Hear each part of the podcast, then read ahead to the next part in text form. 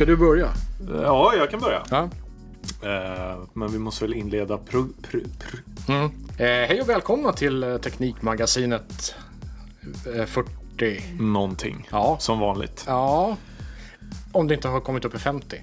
Nej, men det tror jag inte. Nej. Det är så, så länge har vi inte hållit på va? 44. Jag skulle gissa på 44. Men Det låter rimligt. Vi Mm. går vidare tänker jag. Eh, trevligt det här avsnittet. Eh, nu, jag tänker braska lite här nu. Mhm. För att det här avsnittet spelar vi in i juli. Men... Eh, vi tänker samla ja. upp lite som ett uppsamlingshit under vad som har hänt under sommaren. Ja, men så är det. liksom. Annars glömmer vi bort början av sommaren. Tror jag. Jag tror- Om jag vi inte gör det här. Det är risken. Det är det som är tanken. Mm. Riktig efterkonstruktion som vi kom på nu. Men Men det är ju det är ju liksom bara här i Norden som vi har eh, du vet, det Månader. långa, ja, men jättelånga semestrar där ingenting händer. Ute i världen så lanserar de ju grejer och Jo. säljer saker fast, fastän det är sommar. Liksom. så är det. Vi ska faktiskt eh, börja i Skandinavien. Eh, I vårt grannland Sverige. Du känner till spelet Dota? Eh, jag vet att det började som en add-on till ett annat spel, men jag Mm. har aldrig spelat det. Jag vet att det spelas mycket matcher i Dota. Två, Dota 2. Ja, jag har så? väl, ja exakt. Jag tror jag har lagt kanske 5000 timmar eller något på det. Jag är jättedålig tyvärr. Herregud. Ja, det är lite för har mycket. du men- lagt 5000 timmar och du är fortfarande dålig? Ja, det är det som är det jobbiga. Ja, men det är ju inte så roligt. Nej, det är ju hemskt såklart. Men de har varit ganska utspridda. Jag har spelat sen eh, Dota 1 då, så jag har väl hållit på med det här i 15 år snart. Ja, jag vet inte om jag ska bli imponerad. Jag är lite imponerad, men jag är också lite... Jag Ja, tycker det också är det är lite förkastligt. Jo, men det är ju sorgligt. Är det? På många sätt. Ja, men det här ska inte handla om mitt spelande nu, lyckligtvis. Eh, Det där var bara en liten sidodörr in i mitt tragiska liv. Ja, just det. Ja, eh, de har i alla fall en jättestor turnering varje år. Det var så de lanserade Dota 2 då kan man säga. Eh, Den heter The International. Det började med en miljon dollar då i prispotten den här första turneringen. Och nu är vi på The International 10 då så att det har gått 10 sådana turneringar. Och nu är det så många miljoner så att jag har faktiskt inte ens brytt mig om att kolla upp. Men det är säkert 30 miljoner dollar eller någonting i Du vet, prispotten. jag läste, jag tror att det var 40 miljoner. Ja, det är inte omöjligt. Helt Ja. sanslöst. Ja, det är, det är orimligt är det. Eh, hur som helst, innan pandemin eh, så deklarerade Valve då som eh, eh gör spelet att eh, nästa sån här The International skulle hållas i Stockholm. Eh, många eh, har sett fram emot att få kolla på lite e-sport nära hemmaplan, tänker jag. Jag själv där bland, dem, bland dem. Jag hade väl inga superförhoppningar kanske att det skulle bli av i, och med allt med covid och sådär. De fick ställa in förra året helt och hållet och då förstod ju alla för att ja, eh, omständigheterna var som de var. Nu ville man ju såklart hålla det då när pandemin har pågått och man har insett kanske att saker och ting ändå i viss mån måste rulla på så att säga. Men spelar det oss gamers, om jag nu får räkna in mig i den kategorin, då, någon roll var det här hålls då rent geografiskt? Mm. Ja, Jag men menar- det är ju lite kul att se det på plats tycker jag. De Okej. brukar ju spela i en stor arena. De började i Seattle tror jag de hade de första åren i alla fall. Eh, ja, och jag blev i alla fall riktigt taggad när de eh, för två år sedan då berättade att det skulle hållas i Stockholm. Men eh, i ett pressmeddelande som gick ut här för ungefär en månad sedan så skriver Valve att de började planera Stockholm 2019 då för att få allt i ordning till 2020 och som sen då blev inställt. Eh, och eh, i år då eh, så har det nu också ställts in. De har verkligen försökt få till allting med info till lokala myndigheter i tid då för att allting ska ordna sig. De har haft kontakt med Visit Sweden främst och Stockholm Live Eh, som ju är bolaget som äger Hovet och, och Globen och Tele2 Arena och gör alla de här stora arena-grejerna eh, helt enkelt. Trots sen då att de fick eh, lugnande besked ifrån eh, Visit Sweden eh, så eh, röstade Riksidrottsförbundet mot att plocka in e-sport i förbundet. Och då tänker du ju så här, jaha, vad har det med saken att göra? Eh, märkligt att eh, Riksidrottsförbundet har med det här att göra. Men tanken då var att få e-sport klassat som elitidrott. Och det hade gjort eh, att spelare och hela cirkusen kring då med kommentatorer och inte vet jag, massörer eller något. Tränare har de säkert också. eller tränare har de. Men, ja. Karpaltunnelmassörer. ja, exakt. Handledsmassage. Exakt. Ja. Det hade gett Eh, hela cirkusen möjlighet till visum och undantag eh, och sådär för inresa under covid. Men det gick ju åt skogen. Eh, tillsammans med Visit Stock eller Visit Sweden då så, så kom de fram till att sista utvägen var att försöka kontakta inrikesdepartementet i Sverige för att få till ett speciellt undantag vid, vid sidan av liksom helt enkelt. Men också det gick åt pipan. Eh, Valve eh, skrev själva att de hade kontaktat ministern först då, alltså Mikael Damberg. Eh, vilket han var tvungen att gå ut i SVT och dementera. Det tycker jag alltid att det är kul när en sån här små specialintressen tvingar olika ministrar och och dementera... Det, det här är väl inget specialintresse längre? Nej, det, det är, är ju inte det. Jag vet, men jag tycker inte att det liksom, det har inte riktigt fastnat än för mig. Så det är kul när Mikael Damberg måste gå ut och säga nej, det här spelföretaget Valve, de har inte hållit på och snackat med mig. Um, han eh, förtydligar också att ett beslut att godkänna eventet som elitsport kan inte fattas av regeringen utan det är Riksidrottsförbundet som gör det. Eh, och han säger så här då till SVT. Den politiska ledningen har inte kontaktats utan det handlar om tjänstemän på justitiedepartementet där bolaget frågat om regeringen kan klassificera tävlingen International som en elitidrott. Men regeringen fattar aldrig sådana här beslut utan det är upp till Riksidrottsförbundet. Ehm, sa då Per Strängberg som är pressekreterare hos inrikesminister Mikael Damberg. Ehm, och det här ledde då i sin tur till att, eh, eller ledde till, men alla spelare som eh, skulle försökt komma in till Sverige skulle då hamna på en individuell bedömning av olika gränspoliser, vilket ju, det hade ju blivit kaos liksom. För mm. det handlar ju om hundratals människor. Eh, nu letar de efter en ny plats då. Eh, och när ni hör det här så är både turneringen och platsen avgjord troligtvis eftersom att eh, vi som sagt spelar in i juni.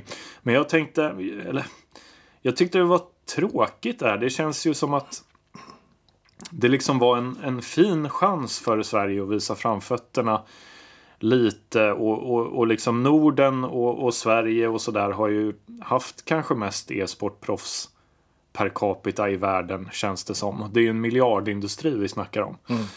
Ja, både Sverige och Finland ligger ju jättelångt framme i ja, professionell gaming. Ja, men speciellt också liksom på Dota-sidan så har ju Sverige varit extremt stora och, och Finland har ju några riktigt stora eh, spelare också. Eh, och sen huruvida det borde klassas som en elitidrott, det kan väl också vara värt att diskutera. Men mm, ja, jag tänker att det kanske är en diskussion för en annan gång. Det här borde ju rimligtvis ha gått att lösa ändå, tycker jag. Eh, med något slags undantag på något vis. Om man hade varit lite välvillig så att säga. Eh, kan också säga att den enda politiker som eh, gett sig in i, i det här i, i talande stund, kan du gissa vem det är? Förutom Mikael Damberg då? Ja, precis. Jag kan, alltså svenska politiker ja. är inte mitt starka. Ja, men det är i alla fall den, eh, ska vi säga, hyfsat kontroversiella eh, svenska moderaten Hanif Bali. Han är ju lite gamer. okay, ja.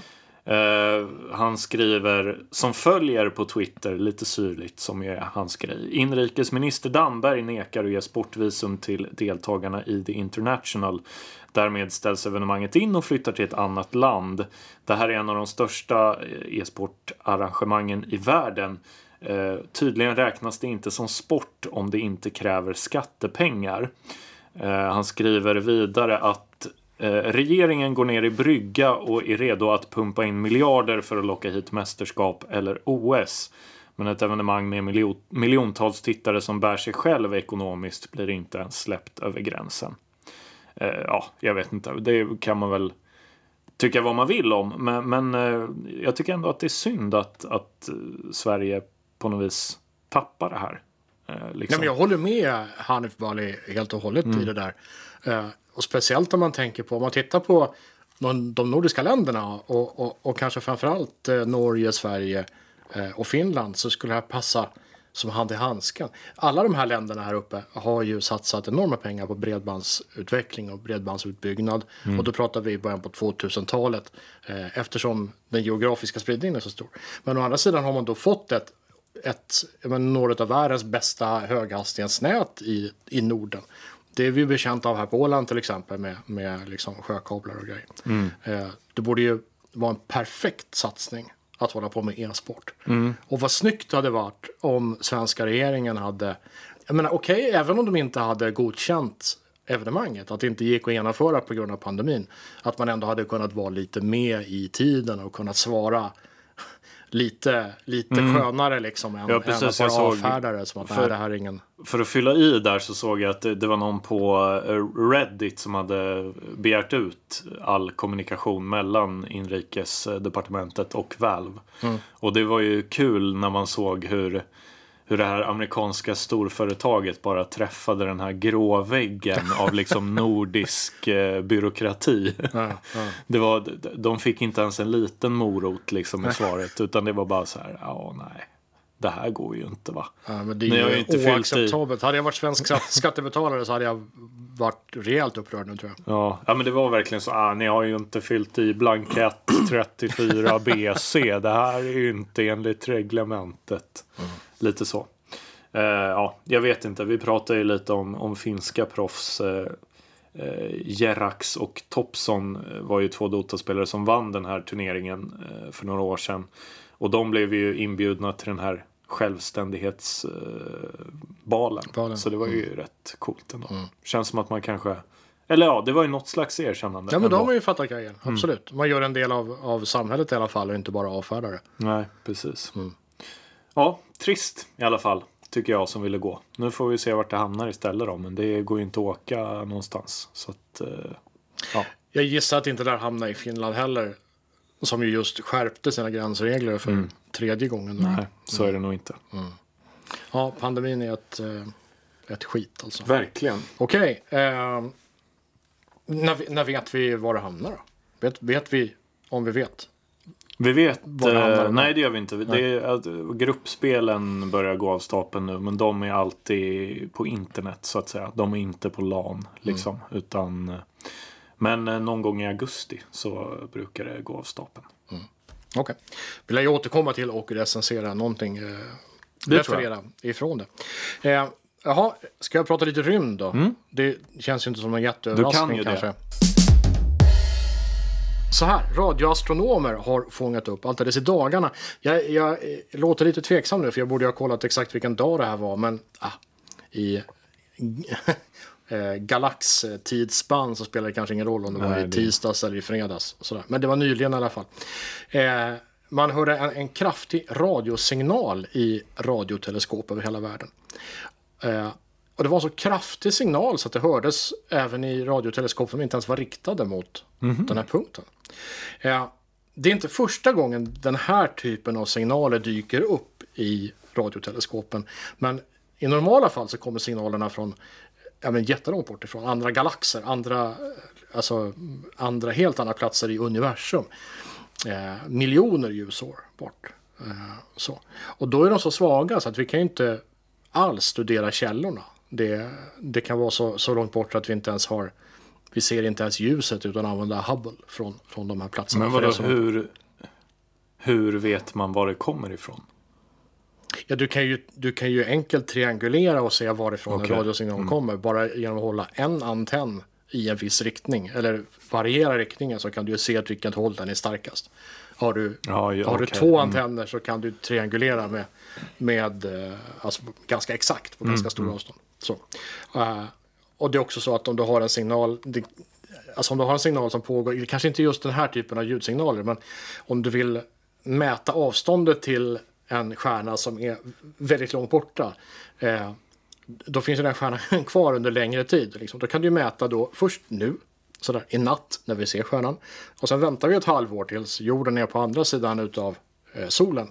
Eh, om ett halvår. och då mäter vi igen och då har vi ju fått det här eh, parallaxmätning kallas det då. Så att du får ju en mätning från två olika punkter. En där jorden är nu och en där jorden är om ett halvår. Det är ganska stor, stort avstånd emellan och med den trianguleringen så får du ganska stor noggrannhet mm. även på jättelånga avstånd. Så det finns lite olika sätt. Men just det här var en, en eh, hade det varit eh, medvetet då vi människor som hade gjort det så hade vi kallat det för en bitström. Alltså potentiellt mycket information, eh, hög effekt på väldigt kort tid. Den signalen varade bara en millisekund. Ehm, den här signalen är då eh, ovanligt kraftig eh, och kommer ganska nära ifrån. Eh, vi, nära så, så, om vi då jämför med resten av universum så är 30 000 ljusår ganska nära. Det är alltså i samma galax. Det här är en signal som kommer från Vintergatan.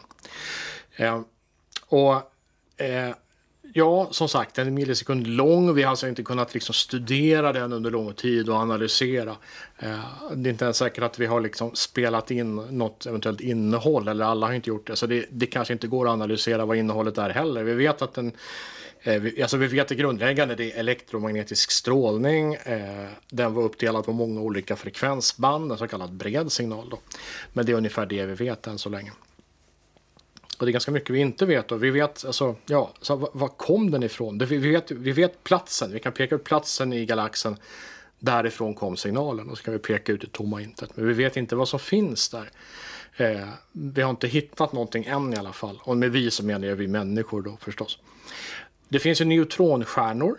De, de snurrar eh, så fort runt sin egen axel att deras magnetosfärer skapar eh, pulser, ett pulserande mm. fält kan man säga. Eh, vi ska lyssna lite på hur de låter här eh, i form av radiofyrar och det här är NASAs ljudupptagningar.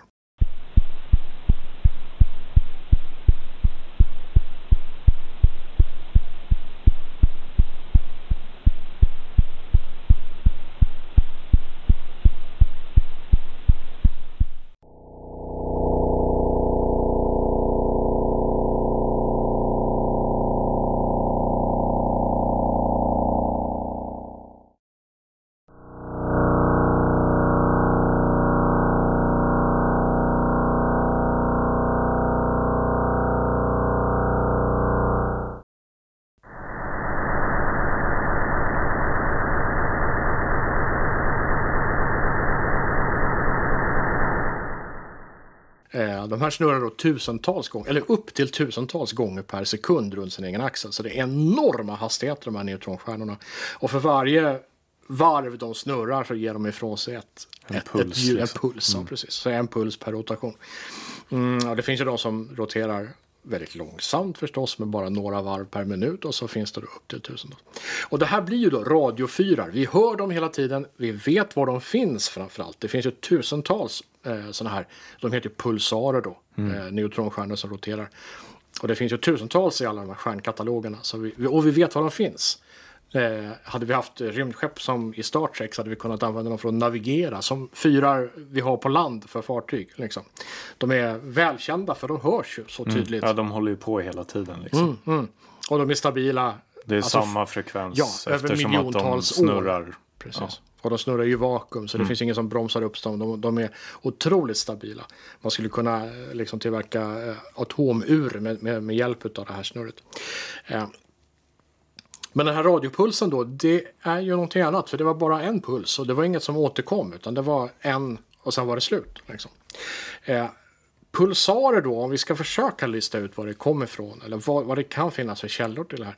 En pulsar bildas när en stjärna får slut på fissionerande material. Eh, och det, det, är normalt om man har jobbat sig ner i det periodiska systemet från väte, då de flesta stjärnor drivs av väte och sen helium och sådär. Och sen jobbar man sig ner genom grundämnena så kommer man till järn. Och järn rent fysikaliskt är så svårt att slå ihop atomkärnorna. Eh, så att en, en normal stjärna, det finns förmodligen, tror man, väldigt stora stjärnor som kan fissionera, eh, eller förlåt, fusionera eh, järn då, ferriter. Men, men en normal stor som vår solen till exempel, den klarar inte av det. Och vad som händer då, det är att stjärnan eh, på ett ögonblick bara får slut på fusionerbart ja. material. Så fusionsprocessen att slå ihop atomkärnor, den bara avstannar. Och det finns ju två krafter i en stjärna. Den ena är då eh, gravitationen som vill trycka ihop hela stjärnan till en liten boll bara för att den är så otroligt massiv. Och sen så har du fusionen då, att slå ihop atomkärnor som eh, i sin tur då eh, håller liksom, säga, trycket uppe som gör att den behåller sin storlek och inte bara sin massa. När den ena av de här två krafterna försvinner så blir så tar motreaktionen över. Så gravitationen tar över helt och på alltså väldigt, väldigt kort tid eh, så trycks stjärnan ihop till en liten Boll. en liten boll. Och när den gör det så händer egentligen två saker. Det första är att plötsligt får stjärnan så enormt mycket mer energi så att den kan börja fusionera även järn. Och då gör den det. Och inte bara järn utan alla grundämnen upp till liksom uran och, ja, alla tunga, riktigt tunga grundämnen. De bildas precis bara när en stjärna dör. Eh, och bara, bara då egentligen. Så allt de, alla de tunga grundämnen vi har på jorden kommer från en tidigare stjärna någonstans som har eh, då, eh, genomgått den här processen och bildat de här grundämnena under sitt dödsögonblick. Det är det ena. Och det andra är att det som då är kvar av stjärnan exploderar. Det är det som kallas supernova. Det bildas en supernova. Och sen så blir det då kvar en restmassa där den gamla stjärnan har funnits. Så är den sådär tre solmassor eller mindre, då blir det en neutronstjärna. Är den tre stormass, solmassor eller större, då blir det eh, ofta, tror man, ett svart hål istället. Men normalt så blir det en, en liten neutronstjärna. Det är så neutronstjärnorna bildas. Det är liksom eh, kärnan från en stjärna som har exploderat. Eh, och då skulle man kunna tänka sig, för att en supernova avger också elektromagnetisk strålning i, en, i en hastig, en väldigt kort puls. Så. Men sen när neutronstjärnan bildas, det är inte så att den börjar snurra efter ett tag, utan det här, det här snurret, pulserandet, det som skapar pulsaren, det finns ju där från början, det bildas ju i explosionsögonblicket. Så i så fall så hade vi hört den här kraftiga signalen och sen då det här pulserandet. precis. Men vi hör inget pulserande, vi hörde bara signalen. Så att det är sannolikt inte en supernova heller. Eller liksom en ny neutronstjärna som har bildats. Eh, så det, det spåret eh, försvinner ju lite då. Eh, vi, eh, ja, vi vet ju hur pulsarer kan låta. De låter ju inte som en enda energiutladdning heller. Eh, vi har ju varit nära globala kärnvapenkrig minst två gånger eftersom eh, både amerikaner och ryssar har tolkat pulsarer som har låtit lite annorlunda som eh, radiosignaler inför ett kärnvapenkrig och varit nära att lossa sina robotar. Eh, så, och det har vi ju lärt, vi människor lärt oss ifrån så det kan vi. Vi vet att det här var ingen pulsar. Eh, så det är väl det som är det vi vet just nu. Vi vet inte var signalen kommer ifrån. Om det blir ett svart hål istället då? Då pulserar det väl inte? Nej, det gör det ju inte. Nej, det gör det inte. Ett svart hål, eh, ja i och för sig. Jag vet inte om man kan eh, registrera Hawking-strålning som bildas av svarta hål. Ja, men då har vi löst det. Det, Ja, det var ett ja, svart hål som bildades och vi Det löste kul, det. kul att jag Här. löste det här faktiskt. Jag har ingen aning. Sitter och bara eh, gafflar. jag, tänkte, jag hade tänkt avsluta lite så här. Är det någon som söker kontakt? Det vet vi inte. Forskarna står handfallna. Men vi har ju löst det nu. Det är ett var svart hål. Ja, Det är klart det är ett svart hål. men det svarta hålet så, Kom ihåg var ni hörde det först. så eh, byter vi ämne. Windows 11. Eh, inte ett svart hål. Eller Eh, Ja, det vet vi i och för sig inte. En eh, tidig bild av Windows 11 läckte ju här tidigare så, så folk har hunnit eh, börja titta på det. Eh, de flesta tror att release blir någon gång i höst men eh, det hinner ju säkert ändra flera gånger hittills. De har uppdaterat lite, bland annat för touch. Det är sån här grej som fler och fler laptops har. Eh, och det ska väl snurra på, på tablets också. Men var inte det här, ja, det här, åh vilken déjà vu. Det var ju grejen med Windows 10, det här Mm. Ja. Metro-gränssnittet för touchskärmar. Det, vi, vi kommer lite till det här. Okej. Ja. Ehm, tanken är att det ska vara gratis. Uh, ska också gå att köra lite Android-appar och sådär vad jag förstått. Uh, startmenyn ändrar. Klassisk ny Windows-uppdatering. Så futtigt. Ja, Ja. eh, den, ska vara i, den ska på något vis vara i mitten av skärmen. Eh, mycket Va? konstigt. Ja, det är, jag vet inte riktigt. Ja. Den ska också vara cloud-powered. Startmeny. Start, startmenyn Ja. ska vara... Okej. Cloud powered. Coolt.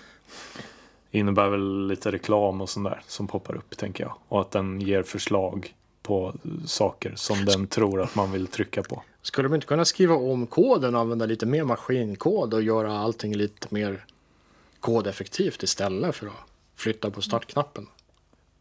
Ja, Eller var jag naiv nu bara? ja, jag, ja. Ja. ja men det, alltså, det här var ju också min känsla. Jag kände Tror, tror de att de vill ha det här? Liksom? Eller jag, Det är väl säkert helt okej, tänker jag. Och det är ju bra att kanske att man inte behöver köpa eh, nya OS liksom. Det brukar ju ändå kosta en del. Windows. Ja, fast det gick de ju ifrån lite grann med Windows 10 i Jo. alla fall. Då har ju Apple, de tar väl inte något betalt när du ska ha en Nej men det har de ju inte gjort alltså. hela tiden. Eller Nej. på hela tiden. Men jag, är liksom, jag känner bara att jag är verkligen är noll upphetsad. Ja. När jag var liten, då var det ju svincoolt när Mm. det kom nya Windows. upp- Jag kommer ihåg när XP kom. Gud. Det var ju världens grej. Ja, visst. Ja, visst. Men det var det ju också. Det var ju en revolution Mm. faktiskt. Men är det så, jag tänkte också på en grej. Är det så att eh, operativsystemet hade mer, eller operativsystemet spelade mer roll förr? ja, Mer men, gjordes ju i det. exakt. Ja, men det var väl, jag, jag, jag tänker så här att det var betalningsmodellen som har ändrat. Idag så betalar du ju eh, ganska frikostigt, eller vi betalar ju ganska frikostigt för alla kringtjänster, molnlagring till exempel och VPN och sånt där. Som inte är grundfunktioner i OS. Liksom. Eh, och då, då kanske det är viktigare att få ut OS i sig till så många som möjligt gratis så att fler kan betala för de här kringtjänsterna. Eh, jag skulle gissa att det är ungefär så de tänker. Och det har de ju rätt i. Men när Windows 10 kom så pratade man ju om, det var ju för sig aldrig något officiellt eh, budskap från Microsoft, men man pratade mycket om, industrin pratade mycket om att det här förmodligen är den sista Windows-versionen. Åtminstone den sista stora Okej. eh, som liksom kallas någonting. Eh, just därför att eh, den istället då så skulle man ju uppdatera koden. Och det har man ju gjort sen, sen lans- Jag vet inte, när var lanseringen? 2000?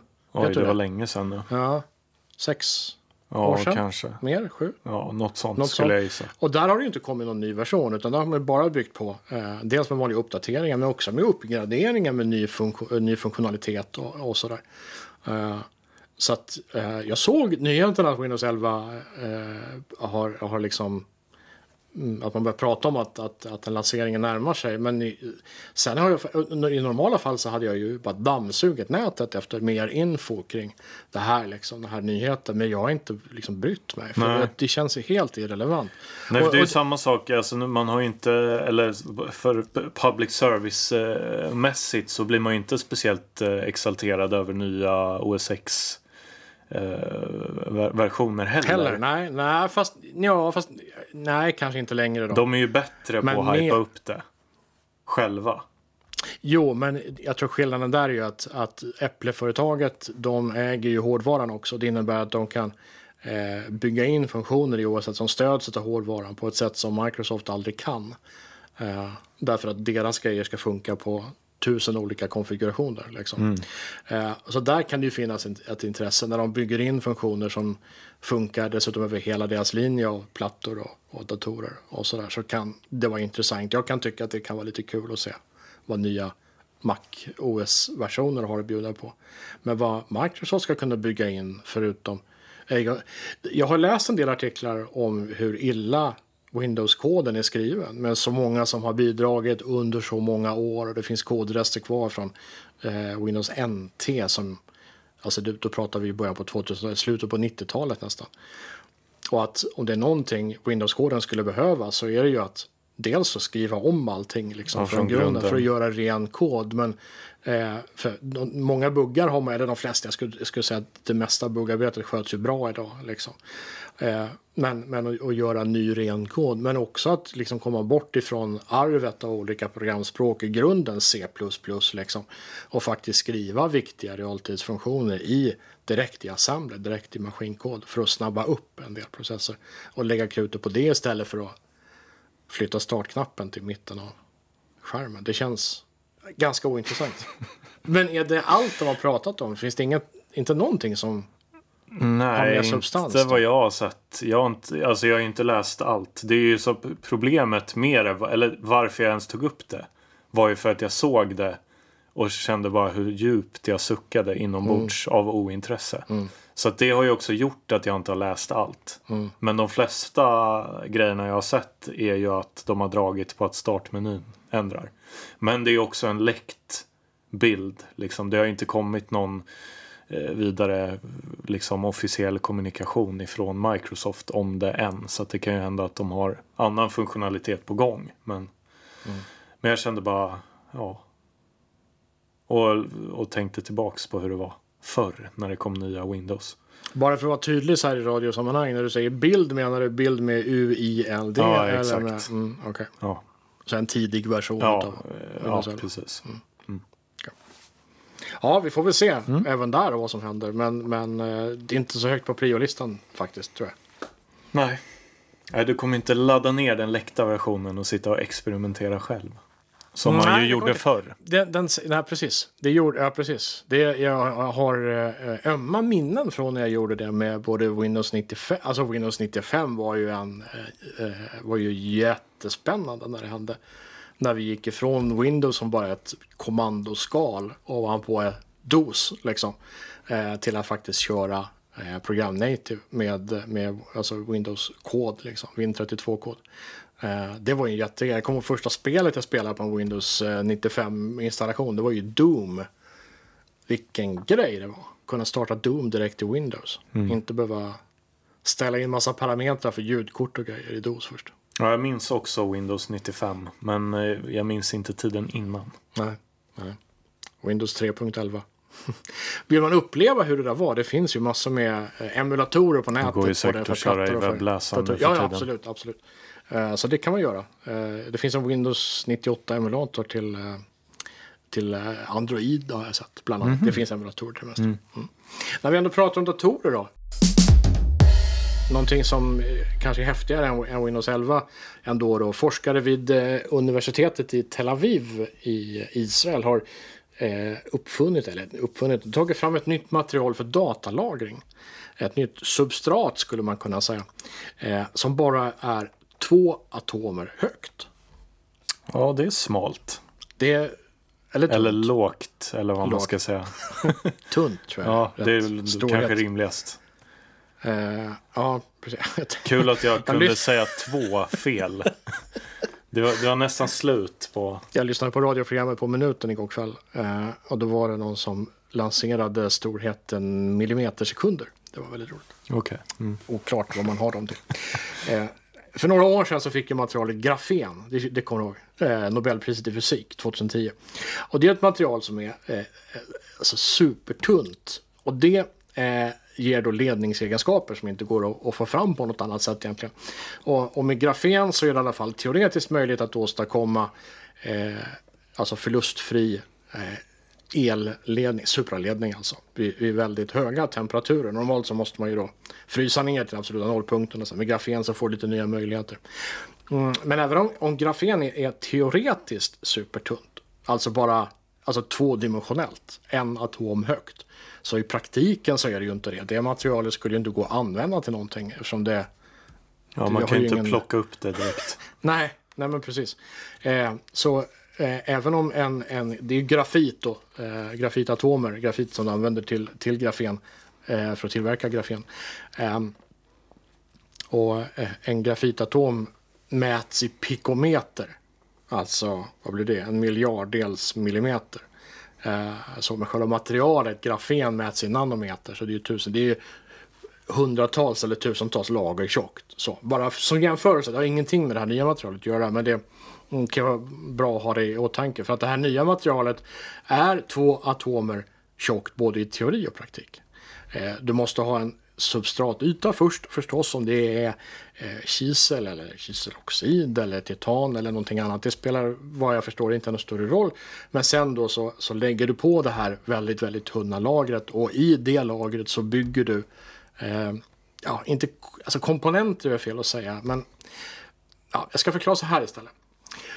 Idag så lagras ju alltså information och då pratar vi om fasta minnen, alltså DRAM eller SD-RAM eller flashminnen eller vad det nu är för någonting. På, alltså principen är densamma. Eh, det du lagrar information på det är egentligen kristaller som är då utplacerade, magnetiserade så småningom eller utplacerade med ett visst mellanrum och beroende på eh, när en partikel är magnetiserad eller när ett, eh, ett avstånd är si så långt ja, det anger då om det här är en bit som är påslagen eller avslagen, noll eller ett. Liksom. Men det är kristaller du använder för att lagra information.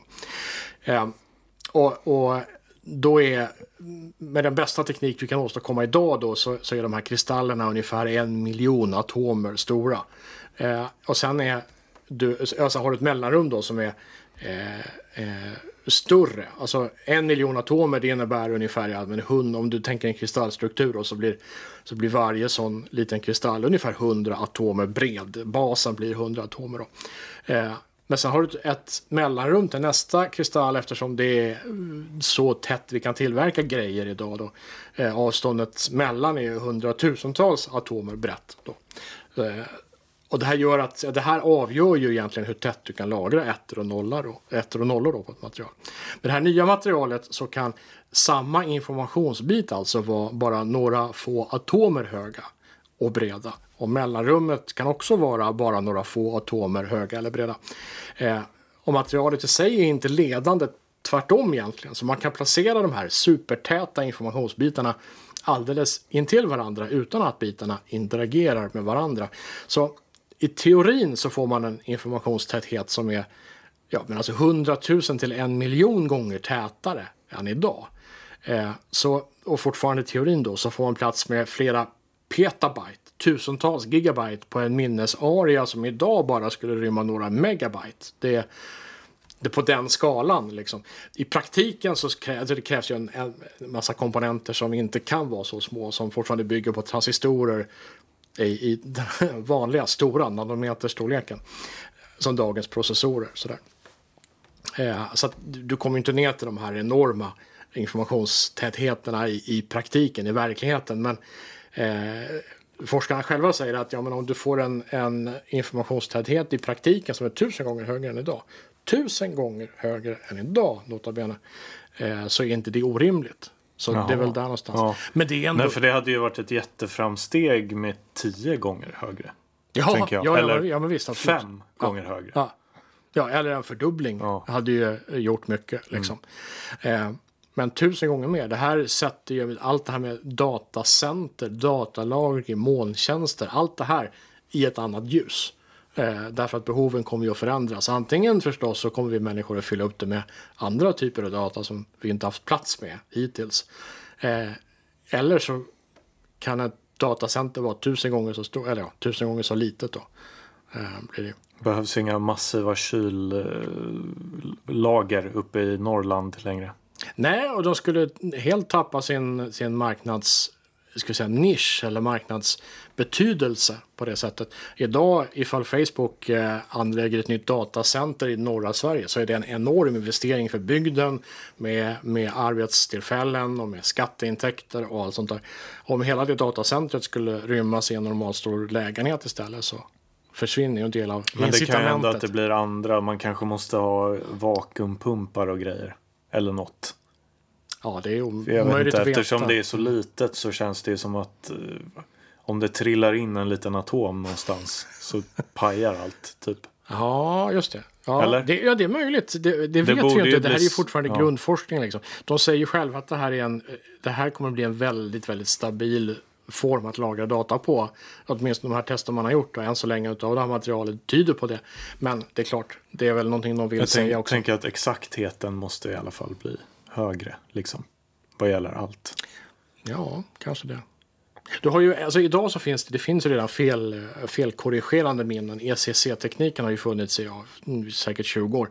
Eh, men där har du ett problem med det, det är att du måste ta en bit och hela tiden, eller minst en bit, en till tre bitar i praktiken för att hela tiden hålla på med felkorrigeringar, att markera felaktiga eh, minnesadresser och sen rätta till dem. Och man väljer ju ofta bort den här felkorrigeringen som det kostar så mycket data. De här bitarna försvinner ju liksom permanent ifrån lagringsmöjligheterna. Då. Eh, med sån här teknik så skulle det inte spela någon roll längre. De kan ju plötsligt alla minnen, alla minnestyper vara felkorrigerande utan att det egentligen kostar någonting i, i lagring. Så mm, jag vet inte.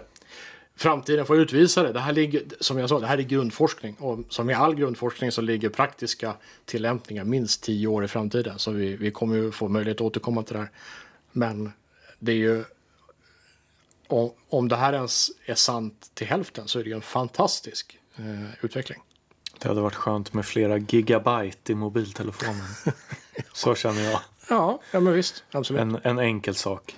Ja, men tänk om du skulle ha tusen gånger så mycket lagringsutrymme i din mobiltelefon. Men det behöver jag inte. Nej, men du skulle Säg aldrig behöva tänka Tre, tanken. tre gånger mer än vad jag har. Så är jag nöjd. Du vet väl det här, det här man brukar säga om digitala medier, att de är, de är digitala därför att de är antingen fulla eller tomma. Det finns aldrig något mellanting. Liksom. Ja, Vi du har en poäng. Ja, jag tror det. Ja, nej men nu, man blir ju också den när man säger att, eller när jag säger att det räcker med tre gånger så mycket så blir jag ju den här floppy disk presentationen.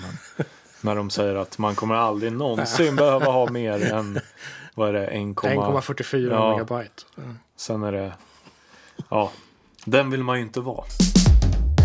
Eh, vi ska eh, till Finland faktiskt. Eh, CNBC rapporterar att eh, Amazon ska börja utveckla för sina robotar i Finland. Eh, det har ju länge snackats om att företag ska börja leverera paket och sådär med robotar. Eh, och man har ju lite olika tester på gång. Nu börjar man eh, bygga för det här på allvar vad det verkar. Man testar just nu små elfordon på fyra olika ställen i USA. Ser ut ungefär de har sex hjul kan man säga, tre på var sida och så är det som en liten sån här eh, fryslåda nästan. Mhm. Som åker runt med små paket i städerna. Ser lite gulliga ut. Um, och eh, ja, för att helt enkelt skriva kod till de här så anställer man typ 20 ingenjörer nu som ska vara stationerade i Helsingfors. Och eh, jobba med utvecklingen av den här Scout då som de kallar den, roboten.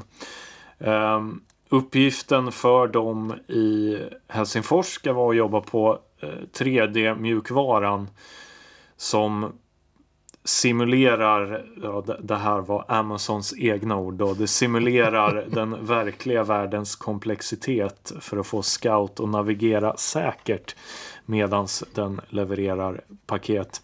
Anledningen till att verksamheten hamnar i Helsingfors det är att Amazon har köpt det finska företaget Umbra.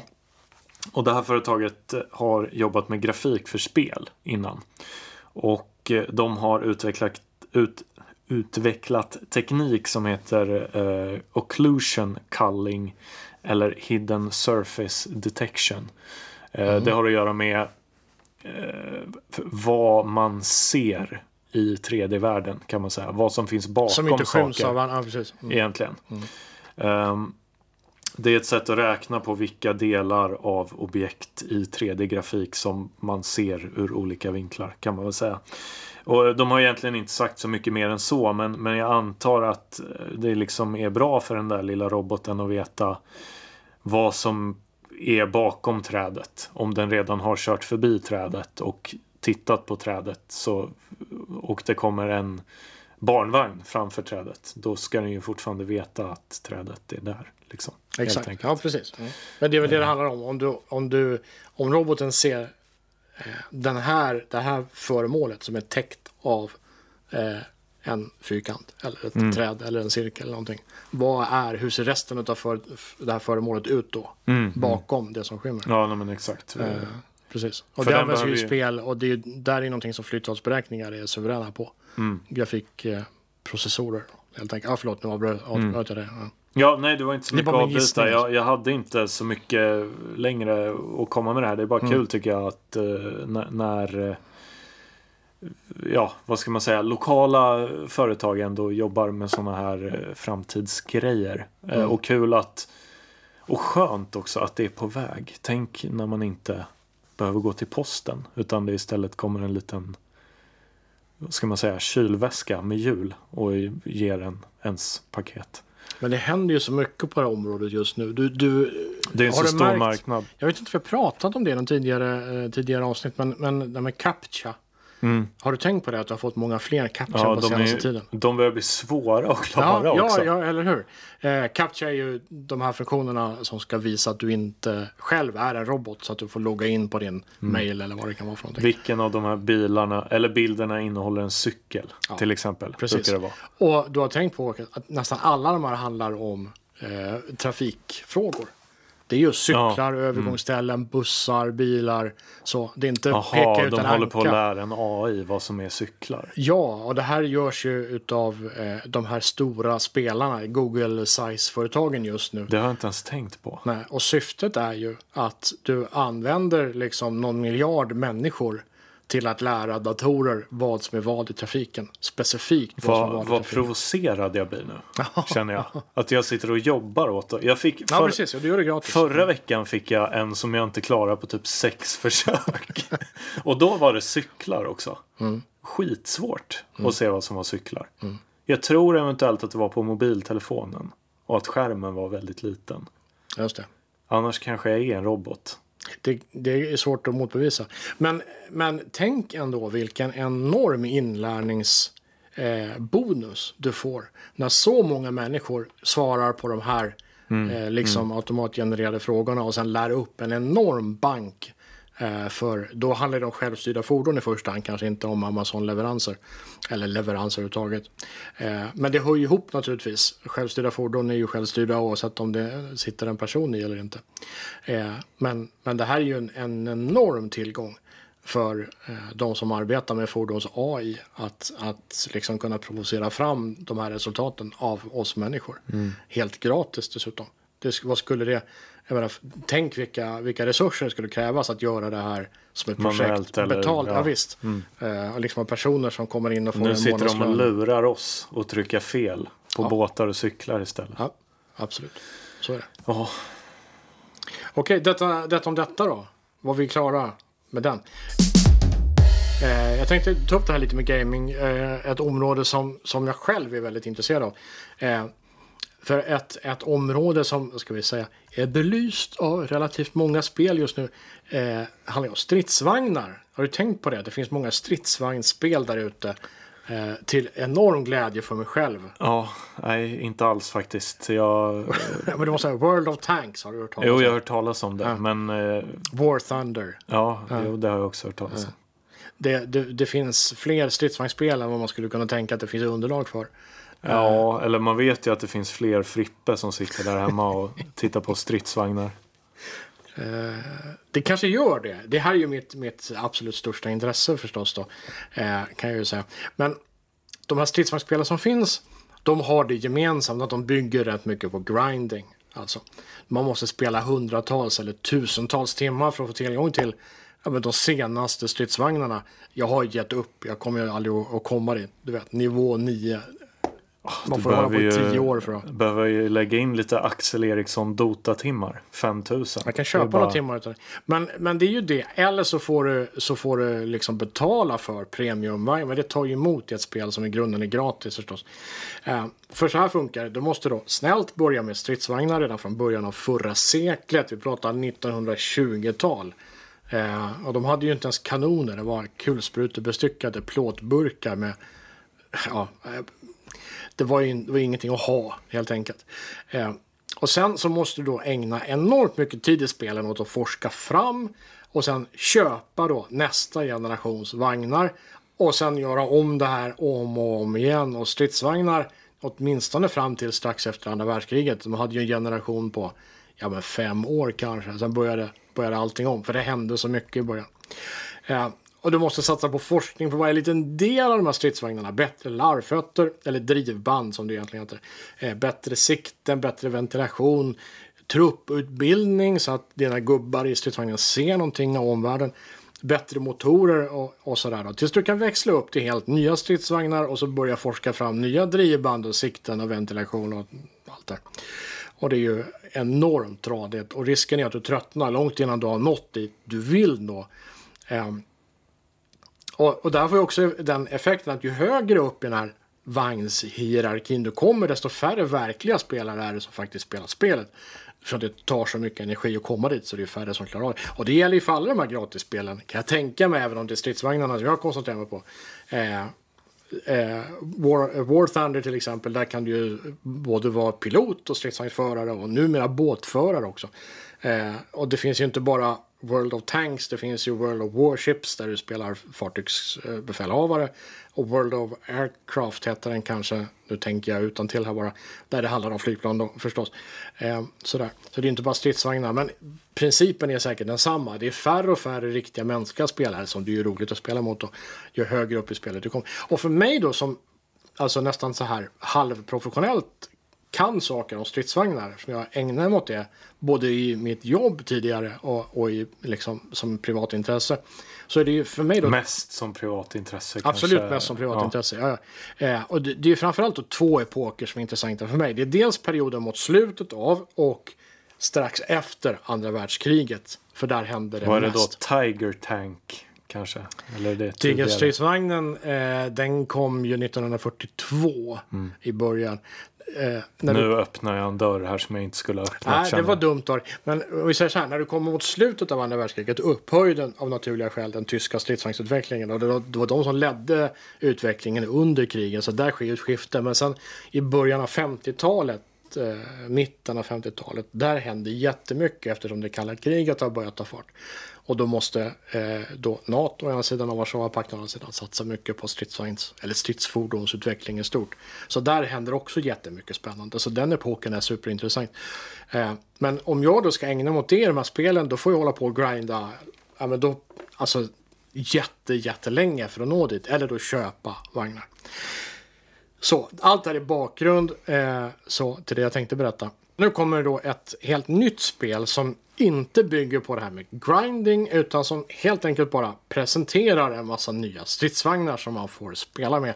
Jag vet inte om du ser hur mina ögon glöder nu när jag berättar om det här. Det är, det är så lite häftigt. obehagligt. Det är lite eh, Gunner Heat PC heter spelet. Det har inte kommit ut än. Det har inte ens kommit ut en alfa tror jag. Du måste vara Patreon-medlem, eh, alltså stödja utvecklingen för minst 5 dollar i månaden tror jag. Och då får du tillgång till eh, en nightly bild. Eh, sådär då. Men och alla vagnar som ska finnas med sen och inte modellerade de finns med så man kan spela men det är inte riktigt eh, så här Eh, Klockrent, klart, nej, snyggt. det är ju inte det. Men det är några få vagnar som är det. Eh, bara för att ta ett kort exempel om någonting som jag tycker gör stridsvagnar så intressanta.